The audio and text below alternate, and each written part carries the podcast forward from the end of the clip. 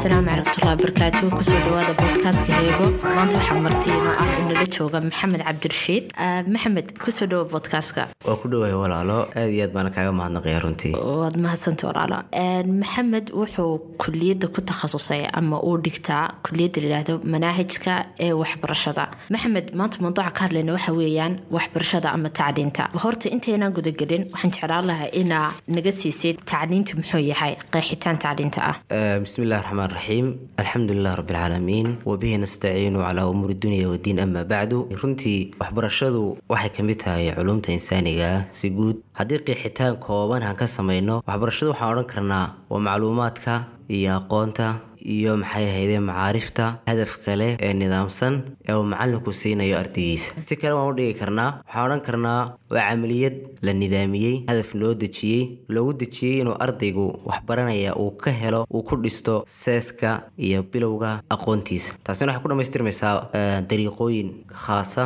Maanta xalqadan waxay muhiim ugu tahay inaynu ka hadalno sideynu u horumarin lahayn tacliinta iyo saameynta bulshada ay ku leedahay. Haddaynu qeexnay tacliinta muxuu yahay maxamed waxaan jeclaan lahaa inaad noo kala sheegto qaybaha ugu muhiimsan ee ay u qaybsanto tacliintu. Si guud waxbarashada waxaa mas'uul ka ah oo gacanta ku haya mu'asadaha waxbarashada. Mu'asadaas ha noqoto dugsiyada ha noqdaan jaamacadaha maraakiista iyo macaahida gaarka loo leeyahay ha noqdaan bareefatada asliyan iyaga kaa mas'uul. Sidaa ogeed waxbarashadu waxay ka dhacdaa goobahaas haynu sheegnay gudahooda iyo dibadoodaaba si ay u noqoto wax dhammaystiran oo bulshadii ay uga qaadanayaan. Waxayna badanaa ka faa'iidaan oo dadku ka qaataan xirfado waxay ka qaataan macluumaad iyo macaarif waxay ka qaataan khibrooyin waxay ka faa'idaystaan akhlaaqiyaad iyo hawdhaqano bay ka qaataan. Idan waxbarashada noocaasi kabacdii markii ay dhacday kacdoonkii loo yaqaanay kacdoonka warshadaha ee reer galbeedka ba waxaa soo baxday warshadu inay tahay nidaam isdhammaystira oo ka kooban maadooyin marka hore diyaara oo mudkhalaad layihahdo la geliyo maada khaamka ama wax loo yaqaano. Kadib maadooyinkaasi markay isla falgalaan ay soo saaraan natiijooyin iyo waxaynu u baahnay inaan ka samaysano sida awgeed waxbarashadan waxaa laga dhigay nidaam jira oo isdhammaystiraya waxbarashada waxaa loo sameeyey waxa loo yaqaano mudkhalaad oo ah waxyaabaha waxbarashadan camaliyadda aynu u baahnay inaynu samayno aynu ku bilaabay inay ku soo gelinno. Mudkhalaadka waxaa kow ka ah macallin inaan helno. Macallin wanaagsan oo aqoon leh oo tayale inaan helnaa. Waxay ka mid tahay abwaab ama abaab ama albaab ka mid albaabada haynu ka soo gelino tacliimtii waxaa ka mid a inaynu helno arday diyaara inuu waxbarto diyaara bii-adiisii iyo deegaankiisii haysta. Taasina waxay ka mid tahay iyaduna albaabada ama maadooyinka haynu soo gelino camaliyaadka ama waxyaabaha haynu rabno inaynu sameyno waxaa ka mid a albaabadaas deegaanka qofka ardaygan waxbaranaya deegaanka ku xeeran. Waa inuu helaa deegaan u diyaara waxbarasho hadday noqoto dugsiga dugsi diyaarsan haysta maxaa yeede wax kastoo ardaygu u baahan yahay heli karaya. Waxaa ka mid a inuu helo maada cilmiya dhammaystiran ardaygu. Ba waxay ka mid tahay waxyaabaha kamida in ay ka mid tahay albaabada aynu ka soo gelino nidaamka isdhammaystiraya waxbarashada. Intaa markaynu helno waxaan u intaa isla falgelkooda waxay iskula falgalaan inaynu helno kow qaabab uu macalinku ardayga u gaarhsiinayo cilmigii iyo aqoontii iyo waxbarashadii uu hayay. Wata kuwa waana helnaa daraa'iq iyo qaabab iyo wadooyin uu macalinku ku gaarhsiin karaya ardayga macluumaadkii uu waday. Waxaa u baahanay inaynu helno ardaygaas inuu la yimaado nashaadaad iyo inaynu siino laylisiyo si macluumaadkii loo siiyey uu inoogu soo celiyo celcelin ah ama inuu sheegayay uu fahmo sideeda u qaatay ama inuu u baahan yahay in loogu celiyo. Taasina waxay ka mid tahay waxyaabaha sameynaya fargelinta. Kuwii horean soo sheegnay ahaa ardayga iyo macalinka bibiada ardayga u diyaarka ah iyo maada cilmiyada. Intaa markaynu isla helno iyo intaa aynu qiimayno aynu ku samaynay imtixaanadeedii ku samaynay ardaygii inaynu baaritaano fara badan ku samayno. Waxay noo samaynaysaa isla falgal inay isla falgalaan. Waxyaabihii marka hore aan ka dhignay albaabada tacliimta kadib waxay noo soo baxaya waxyaabihi aynu u baahnayn iyo ahdaaftii aynu dhiganay iyo natiijadaynu waxbarashada ka rabnay ee ahayd tusaale ahaan ardayda inaynu u kordhino xirfadaha iyo aqoon soo saarno arday xirfadna leh aqoonna leh. Inaan ardayda u kordhin karno akaagooga oo ka dhigi karno arday garaadkooga aada u sarreeyo. Inaynu ka dhigi karno soo saari karno bulsho iyo arday ihtimaam siinaya waxbarashadii iyo waxay baranayeen. Inaynu kor u qaadi karno wacyiga bulshada maadaamaaynu aqoon haynu siinayno inaynu wacyigeena kor u qaadi karno. In aynu soo saari karno arday waajihi karta mawaaqifta tacliimiga ama maxay ahaydey mashaakisha waaqiciga ee bulshadiisa ka haysata. Inahaasi waa canaasirta ugu muhiimsan ee ay ka kooban tahay waxbarashadu si guud ahaan. Maxamed markay imika u fiirsano waxbarashada wadankeena imika waxaad arkaysaa ardayga xagga maadiga ah ama cilmiga ah ayuunbaynu ka dhisnaa. Ardayga kama dhisno xagga maskaxiyeed kama dhisno ilmahan yar ama ardaygani muxuu xirfada lahaan karaa. Ila ardaygan maxaa dhici karta maanta inuu ibdaaciya samayn karo? Waynu odhan karnaa bii-ada ama deegaanka ku nool yahay ayaa ardayga u ogolaanin. Laakiin markii qaarka waxaa jirta maray biicadu ibdaac keento. Waxyaabaha sababa imika markaynu fiirsano ardayda ama bulshada ama jiilka soo kacaya in waxaa ibdaaca ku yareeya waaxay runtii horta dowlad walba oo adduunka ka jirta waxbarashadeeda siyaasad gaara bay ka leedahay. Siyaasadda dowladdaasi iyo qaabka ay ugu dhistaa saameyn toosa waxay ku yeelataa dadkeeda iyo bulshadeeda. Bulshada anuhan rabo maanta nooca ay noqonayso waxaan ku salaynayaa ardaydaas silibiska ama manhajkaan siinayo kolba manhajkaan ardayda siiya wuxuu ii soo saarayaa ardaydahan raba nooc ay tahay. Dowladaha hadda hormaray waxbarashadooda waxay ku saleeyeen hab ah. Ardayga in xirfadda iyo maxay ahaydey mihanka ama waxqabadka ama maharada laga dhiso aqoontii kale maadigahayna la siiyo. Laakiin inagu kumaynaa dhisintaas oo inagu waxaynu waxa weeyaan khaliyata ardayga in macluumaad iyo macaarif khaliyata la siiyo. Taase waxay keentay in aynaan helin arday xirfad leh ama isku wadi kara maadadii iyo xirfaddii. Siyaasadeedina ku xidhan. Oo si guud ahaan tacliimta markay ka hadlayaan ilaa afar qaybood u qaybiyaan waxaa ka mid ah tacliimta tacliimta loo yaqaano almihani aw ilfani oo ah tacliimta hadafkeedu yahay in ardayga loo soo saaro si u sameeyo xirfado. Tusaale ahaan ardayga waxaa lagu tababarayaa sida beeraha loo beero. Ardayga waxaa lagu tababarayaa sida warshadaha sinaacad wax soo saar loo sameeyo. Waa waa qayb ka mid a tacliimta waxaa jirta qayb labaad oo taa ka farcanta laakiin ka yar hooseysa oo ah ardayga in xirfad khaliyata la baro. Tusaale waxaa la baraya sida wax loo tolo khaliya. Tii hore way ka yar hooseysaa oo tii hore wayna ka waqti dheerayd wayna ka macluumaad badnayd wayna ka aqoon sirrays oo waxay tusaale qofka in lagu baro lagu tababaro siduu wax soo saar u yeelan lahaa ama uu wax beerasho sidoo kale u baran lahaa way ka hawl badnayd. Laakiin tani way ka yar hooseysaa qofka waxaa la barayaa xirfad yar uu bulshada ku geli karo meelna ugu buuxin karo. Waxaa ka mid ah qaybta saddexaad qaybta ugu caansan ee loo yaqaano tacliimta akaademiga. Tacliimta marta marxaladaha dugsi hoose dhexe sare ilaa laga gaarayo tacliimta sare oo jaamacadaha iyo hireerkeeda ah qaybta u dambeysa waxaa ka mid a tacliimta loo yaqaano tacliim shaamil yacni tacliim dhammaystiran oo maxay jamcinaysaa waxay isku keenaysaa tii maxay ahayday xirfadda iyo tii akaademika isu keenaysa waana tacliimta ugu dhammayska tiran runtii. dowladaha hormarayna ay ku dhisaan aqoontooda iyo siyaasadooda. idan waxaan odhan karaa innaga sababta dib inoo dhigtay waxaa ka mid a siyaasadda dowladaheennu kuma dhisno hab ah in ardayga laysku siiyo xirfaddii iyo aqoontii. taasay naga dhigtay inayna dadkeenu ayna mahaaro yeelan xirfad yeelan inayna wax samayn karin inayna waxba maxay soo kordhin karaynin. Waa runta haddaynu u soo noqon dhinaca kale waxbarashada haddaa u fiirsatid dhinaca waxbarashada akaademiyan haddii ilmaha ka eegno ama ardaygan ka eegno marka qaarka waxaa jirta iyagoo akaademiyan laga dhisay ilmaha yar naftiisa xataa la dhisin oo layihahdo in loo sameeyo nin tahdiiba nafsi loo sameeyo la barin si naftiisa u korin lahaa ama u rabeyn lahaa. Maanta xataa caqligiisa siduu maanta wax u korosan lahaa. Waxay moodaa dhinaca khaliyaata ayuunbaynu dhinaca ka socona oo akaademi ah. Laa dhinaca nafsiga oo cilmi nafsigeenu ka eegna ardayga wala dhinaca xirfadaha iyo ibdaacaynu ka eegna. Taasina waa mushkilad aada weyn oo taaganoo jirta. Waxaad arkaysaa bulsho iminka soo kacaysa oo qofka akaademiyan aad iyo aada uga dhisan yahay oo darajo sara sita laakiin maanta caqligiisu kooban yahay inta leegyahay waxaad arkaysaa arday caqligiisu iyo cilmiyan fiican laakiin naftiisa haddaa u fiirsatid maanta aad tiraahda adigu yaa tahay ama naftaada wax yar iiga sheeg aan waxba kaaga sheegan. Oo kornay maxaa ka hadlaysa? Maanaha fahansanba ama waxa ugu yar maanta haddii uu isagoo akaademiya bartay inuu mar kastaba tobtanka galo oo ugu sarreeyo maanta markuu lambar hoose keeno ama wax yar caqabadii hor timaado aanu garan karayn siduu mashaakisha nolosha ula tacaamulaya oo ay noqonaysa inuu halkaa istislaam ka dhiibo oo uu iska dhaqaaqo. Taasina waa mushkiladaha keentay inaan haddii biicadu ku rabaynin wayna macalinkii iskuulka ku bari kara sida caqabaadka ula dhaqmi karaysaa way adagta waa run oo odhan karaa dhibaatooyin badan baa jirta xagga bulshadeena ah ama siyaasad ahaan oo ardayga laga dhisay meel kasta. Laakiin waxaan jeclaan lahaa jiilka imka soo kacaya inaynu dhinac kastaba ka dhisi karayno. Calaqal caalamka dhinaca cilmi ahaan ama waxbarasho ahaan aynu gaadhayno. Runtii haddaan in yar ku daro hadalkaagaas waxbarashada waxaa lagu saleeya ama koobka lagu shubaa ee lagu habeeya waxaa loo yaqaano manhajka ama curriculumka loo yaqaano manhajkaasi uu kala duwan yahay. Hadda markaad u fiirsato dowladaha loo yaqaano dowladaha caalamka saddexaad dunida saddexaad ee soo koraysa waxay isticmaalaan manhaj loo yaqaano manhaj taqliidi oo ah manhaj hore.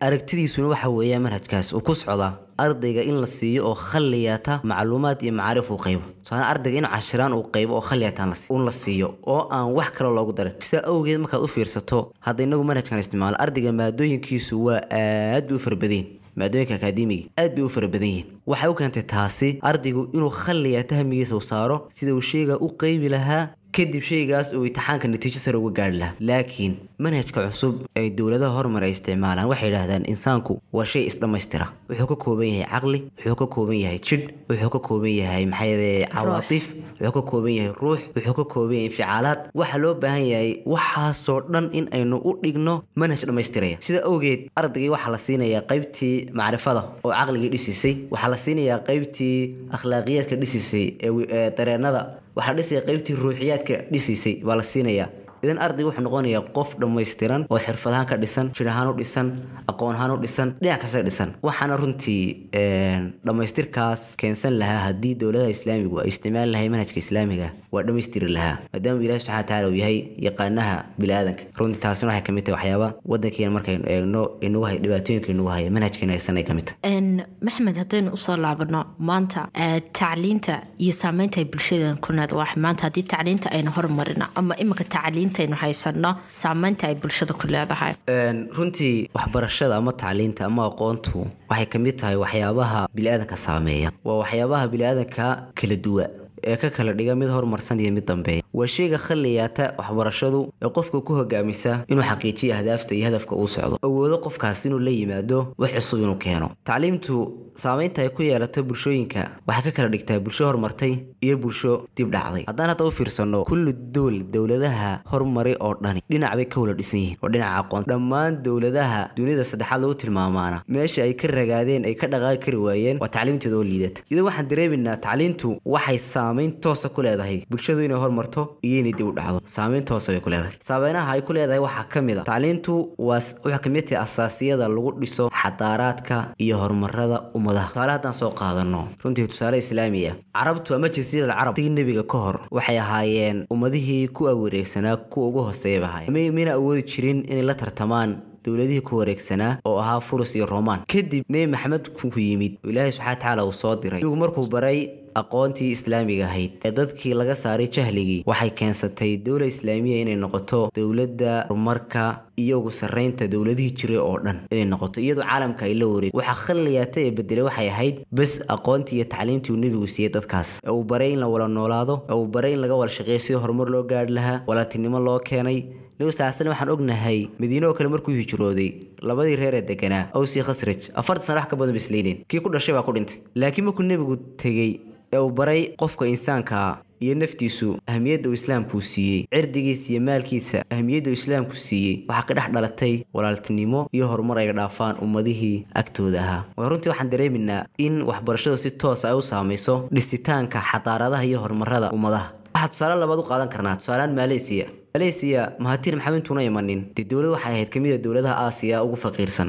Waxay waxbarashada u soo doonan jireen dowladaha afrika qaar ka mid a sida masaarida suudaantan oo kale bay iman jireen laakiin kadib kacdoonkii waxbarashada ee uu sameeyey mahatir maxamed maaleysiya hadda waxay ku jirtaa dowladaha ugu dhaqaalaha sarreeya uguna horumarsan aasiya. Waana dowladaha hadda ugu badan ee waxbarasho ahaan loo tago dowladihii iyagu ay u tegi jireen baa hadda u tegay runtii waxa dhaafiyey waan arki karnaa. Ee ummadaha kale soo gaarsiiyey waxay tahay tacliimta weeye saamaynta ay tacliimtu ku leedahay waxaa ka mid a bulshooyinka bulshada aqoonta gaadhaa ama wax barataa inay gaadho isku filnaansho. Waayo markay bulshadu barato aqoonta waxay helaysaa waxyaabihii ka maqnay oo dhan inay samaystaan. Taasi waxay u keenaysaa bulshadaasi horumarka kulba ay ku sii socotay inay gaadho isku filnaansho. Si hadda dowladaha caalamka ugu sarreeya oo kale ama ugu waaweyni ay isku filnaanshaha u gaadheen. Waxaa ka mid a saamaynta ay tacliintu bulshooyinka ku leedahay waxay meesha ka saarta waxa loo yaqaano faqriga ummad wax baratay margu waa ka yaraadaa. Way qofku markuu aqoon yeesho waxa uu ku raadsanayaa aqoontaas inuu ku shaqeeyo ama uu wax ku soo saaro. Waxa uu soo saarayna wuxuu ka saarayaa faqrigii hayey iyo camal la'aantii hayey mar kasta oo dowladuhu ama bulshooyinku ay aqoonta ku yar tahay waa mar kasta oo ay shaqala-aan iyo faqrigu uu ku badan yahay. Haddaa u fiirsatay maxamed iminka waxa ugu badan ee bulshaduna ka cabanayso maanta waxa weeye shaqa la'aan. Waxaan odhan karaa maanta siyaasiyan dowlad ahaan way adagtay fursadaha in la helo. Laakiin haddii maanta qof kasta oo bulshada xirfad lahaan lahaa miisaanku xooga kuma wada dhici dowladda iyo deegaanka ay dadku ku nool yihiin maanta kulligeen haddaynu bacdlayaal wada noqono ama suuq wada furano dee yaa xaggii kale u dhaqaaqaya inuu wax qoro yaa u dhaqaaqay inuu wax rasimo. Maanta haddii loo fiirsado dhinaca shaqooyinka qofkii xirfad leh ayuunbaa adduunka maanta meel gaadhi kara xirfaduna ta aadka ugu muhiimsan. Haddaa u fiirsatoo kale haddaa aragti maanta ilmaha marka ugu horeysa malcaamadun baa la gelinaya qur'aanka la xifisiinaya taas waa mid fiican. Cilmiyana dhinacii iskuulka laga soo dhisaya. Laakiin ilmihii maanta buug iyo qalin wax rasim oo isku day inaad wax sawiri kartid eeg ma jirto. Ilmihii maanta ina buug kale oo aan bugaagtii iskuulka ahayn loo dhiibo lagu wada akhri way adag tahay oo waxaa loo haystaa inuu waqtiga dayacayo. Ilmihii maanta haddii loo yidhaahdo wax kale waxay doontaa noqoto xataa hadduu ilmuhu cod leeyahay uu maanta yani nashiido qaadi kara ama waxay doontaa noqotee wax kastoo egastara ah oo labadaa eriya dhaafsan waxaynu arkaynaa inuu yahay wax fasaad ah ama wax waqtiga lagu luminayo oo maalayacni ah. Taasina waa mushkilad weyn oo ka taagan dhinaca bulshadeena. Marka la eego oo maskaxiyan adduunka imikuu tadawuray haddaa aragtay maanta dee qofka risiqa waxa laga soo saaro waxa ugu yar isagoo laabtobkiisa haysa qofka maanta gurigiisa fadhiya ayuu waxa ugu fudud waa editinka ama montaajka waxa lahdo oo video uu editing garanaya ama sameynaya ama sawir yar uu sawirayo ayuu lacag ka helaya bil kasta. Marka xirfadu waa waxa aada ugu muhiimsan nin xirfad lehunbaa qoodkiisa xidha nin aan xirfad lahaynin beritole faqiirnimo uu noqon karaa laakiin nin xirfad le faqiir ma noqdo ayib maxamed walaa su'aasha aan doona ku weydiiya waxay maanta haddaba haddaynu ka soo hadnay saameynta ay leedahay bulshada iyo waxoo dhan sidee kula tahay ayaynu horumarin karaynaa tacliinta iyo ahmiyad fiicanna u siin karaynaa runtii dhammaan qodobada aynu soo sheegna waxaynu ka dareennay waxbarashadu inay muhiim u tahay bulshooyinka haday noqoto horumarinteeda noqoto waxsoosaarkeeda haday noqoto bulshadaas inay noqoto bulsho isku filan oo horumar gaadha. Idan ahmiyadda noocaasiya aynu ka dareennay iyo waxbarashada oo sideedaba u ahayd shay yacni linagu dhiirigeliyey bal waxaan isku dayi doonaa haddiinu waxbarashada hormarino maxaynu ka heli karnaa tusaale ahaan maadaama waxbarashadiiba iyadii ay tahay shay markii lala yimaado horumar keenaya. Ama qaabkeeba ugu dhow maantaan is odhan karnaa waxbarashadeenna jirta waynu horumarin karnaa. Runtii horta waxa ugu horreeya ugu muhiimsan ee la helaa waxa weeye in la helo dowlad u taagan siyaasadeedu tahay kobcinta iyo koruqaadida waxbarashada dowla ummadaas taasi waa qodobka ugu muhiimsan runtii waana meesha laga dhaqaaqo. Soomaalidu waxay idhahdaan madax meel ka sarreysoo la taabtaa ma cidda gacanta inoogu haysaa haddii ayna u dhaqaaqin ummadda kale ama qofafka madaarista ama dugsiyada haya awood uma laha inuu hormariyo. Laakiin gacanta ugu weyn ee wax dhaqaajin kartaa waa in la helo dowlad ay siyaasadeedu tahay horumarinta waxbarashada. Qodobka labaad aan is leeyahay waa lagu horumarin karaa waxbarashada. Waxaa ka mid a inaynu hormarino maqaayiista haynu baahna ama waxyaabaha haynu ku qiyaasino waxbarashada haynu rabno. Waa inaynu sameynaa maqaayiis aynu ku qiyaasino madrasada rabnaa ama dugsigan rabnaa waa noocee jaamacadda aynu rabnaa waa noocee mu'asasaadka tacliimiga ama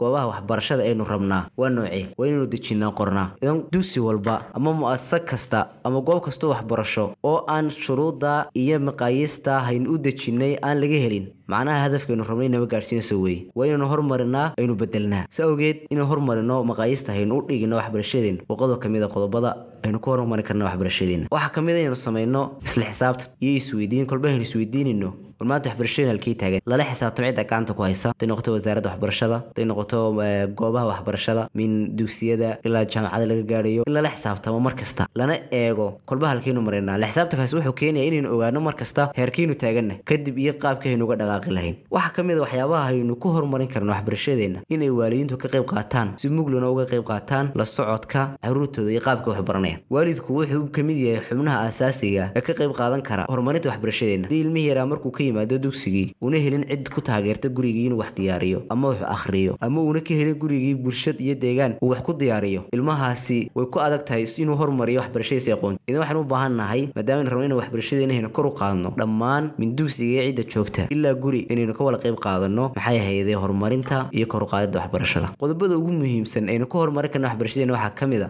inaynu ka yarayno waxbarashadeena qaybta loo yaqaano nadariga. Aynu una badino qaybta camaliga. Waayo inaynu ilmaha maalin kasta siina macluumaad una arag macluumaadkaas meel lagu sameynayo iyo qaab loo sameynayo iyo qaab ay u dhacaysaa waxay ka hor istaagaysaa inuu la yimaado ilmihii yara horumarin iyo inuu xisub soo kordhiyo. Si awgeed waxaan u baahannahay inaynu dejisano manhaj awoodda saaraya camaliga ama waa inuu qofku wax qabto wax sameeyo. Oo ilmuhu macluumo kastuu qaato ama cashir kastuu qaato u awoodi karo inuu samayn karo. Ama iskuulka dhexdiisa ha ku sameeyo ama iskuulka dibaddiisa ha ku sameeyo waa in la helaa. Taas waxay ka qayb qaadanaysaa inaynu helno jiil ka dhisan qaybtii aqoonta ee akaademiga ahayd. Qaybtii xirfadana ka dhisan. Soo kordhin kara waxna keeni kara. Waxaa ka mid a qaababka ugu muhiimsan eenu waxbarashada ka horumarin karno inaynu isdhex gelinno maadooyinka yacni maadooyinkii akaademiga ahaa iyo kuwii mahariga xirfadaha ahaa inaynu isdhexgelin oo ardaygii iskuulkii labadiiba uu ku helo. Maada cashirkiina uu qaadanayo sidoo kale xirfadiina uu qaadanayo taasi waxay ardaygii ay ugu sahlaysaa inuu si fudud xirfado fara badan uu ku yeesho. Ugana qayb qaato bulshadii horumarinteeda waayo waxaan ognahay qofka xirfadda wataa mar kastoo ka horreeya qofka aan xirfadda wadanin. Hadda dowladaha horumari waxay ku tartamaan in ay ummadooda ka wadhigaan xirfan dad xirfad leh. Tusaalaha waddanka masar khudadeeda waxbarasho ee laga soo bilaabo laba kun iyo sideed toban ilaa laba kun iyo labaatanka shantaa sano waxay ku dejiyeen waddanka masar dadka ku nool boqolkiiba konton inay yeeshaan xirfad iyo maharad. Sidaa awgeed waxay ka qayb qaadanaysaa taasi bulshadii in si fudud qof kastaba uu uga baxo camal la'aanti si fudud qof kastaba uu buuxin karo meel ay bulshada u baahantay. Inuu qof kastana isaga naftiisa ismaareen karo aada iyo aad. Naftiisana uu maareynayo maxay ahayde waxbarashadii iyo waddankan uu ka qayb qaadanayo?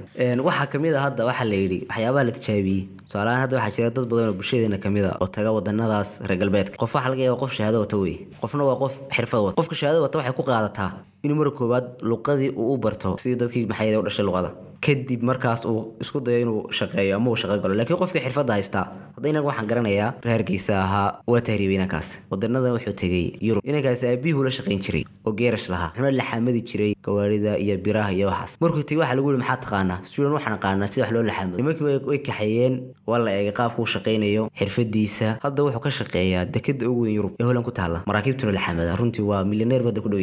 Waxay ku tusinaysaa runtii xirfaddu mar kasta inay ka sarreyso qaybta akaademiga kana horeyso. Cilmigana ka horeyso. Kana horeyso. Labada in laysku daraana waa ka fiican weye labadiiba in laysku daraa waana ka fiican. Marka sidoo waxyaabahan isleena waan ka horumarin karnaa. Aqoonteena waxaa ka mid a inaynu labadii cilm cilmigii iyo maxay xirfadii iyo mahaaradiiba aynu iskugu darro aqoonteenii aniga kule nin xirfad leh. Faqiir ma noqdo. Aada iyo aad. Ma qof maanta xirfad leh meel kasta risiqiisu ka soo saaran karaa. Haddaba maanta aabbayaal hooyayaal walaalayaal qof kastaba guriga ilmo yar u joogo ama awood u leh inuu biia ama deegaan u wafareyn karaayo u siin karaayo ilmahaas inuu xirfadiisa kor kiciyo ha u kiciyo. Hoosna aynu eegno maanta ilmaha yara soo kacaya ama jiilka soo kacaya waxbarashada aynu siina noocu yahay. Sidaynu u soo saari karayno jiil ama ummad maanta xirfad ahaan ka fiican oo wax soo saari karaya. Aanay noqon jiil soo kacay oo maanta ama tictok ha noqoto ama ha noqoto social mediumka aanu faraha ku haynin. Haddaba firsti maanta wixii ilmeyro under eighteen ah ee ka yarba hami kale ma laha aanu hayn inuu tictoka keeno fiyo caadi ah ama inuu maanta social mediumka siduu u gelaa kama fikiraya inuu xirfad kale nooc kale ha noqoto laannu xirfada khaliyaata ugu fudud ee maanta la odhan karo qof kastaba intuu mobile iska duuba ayuunba wax sameyn kara. Taasna wax aad iyo aad yani marka u firsatay calool xanuun ah maxamed haddaad awoodi karaysid ina gunaanad xalqada ku soo xidhno waan jeclaan lahaa. Runtii gunaanadkayga waxa weeyaan maadaamaaynu rabno inaynu soo saarno bulsho aqoon leh runtii waxaan u baahan nahay dhammaantiin horta inaynu ogaano ilmaha yaran waxbarina inuu yahay insaan isdhammaystira uu leeyahay caqli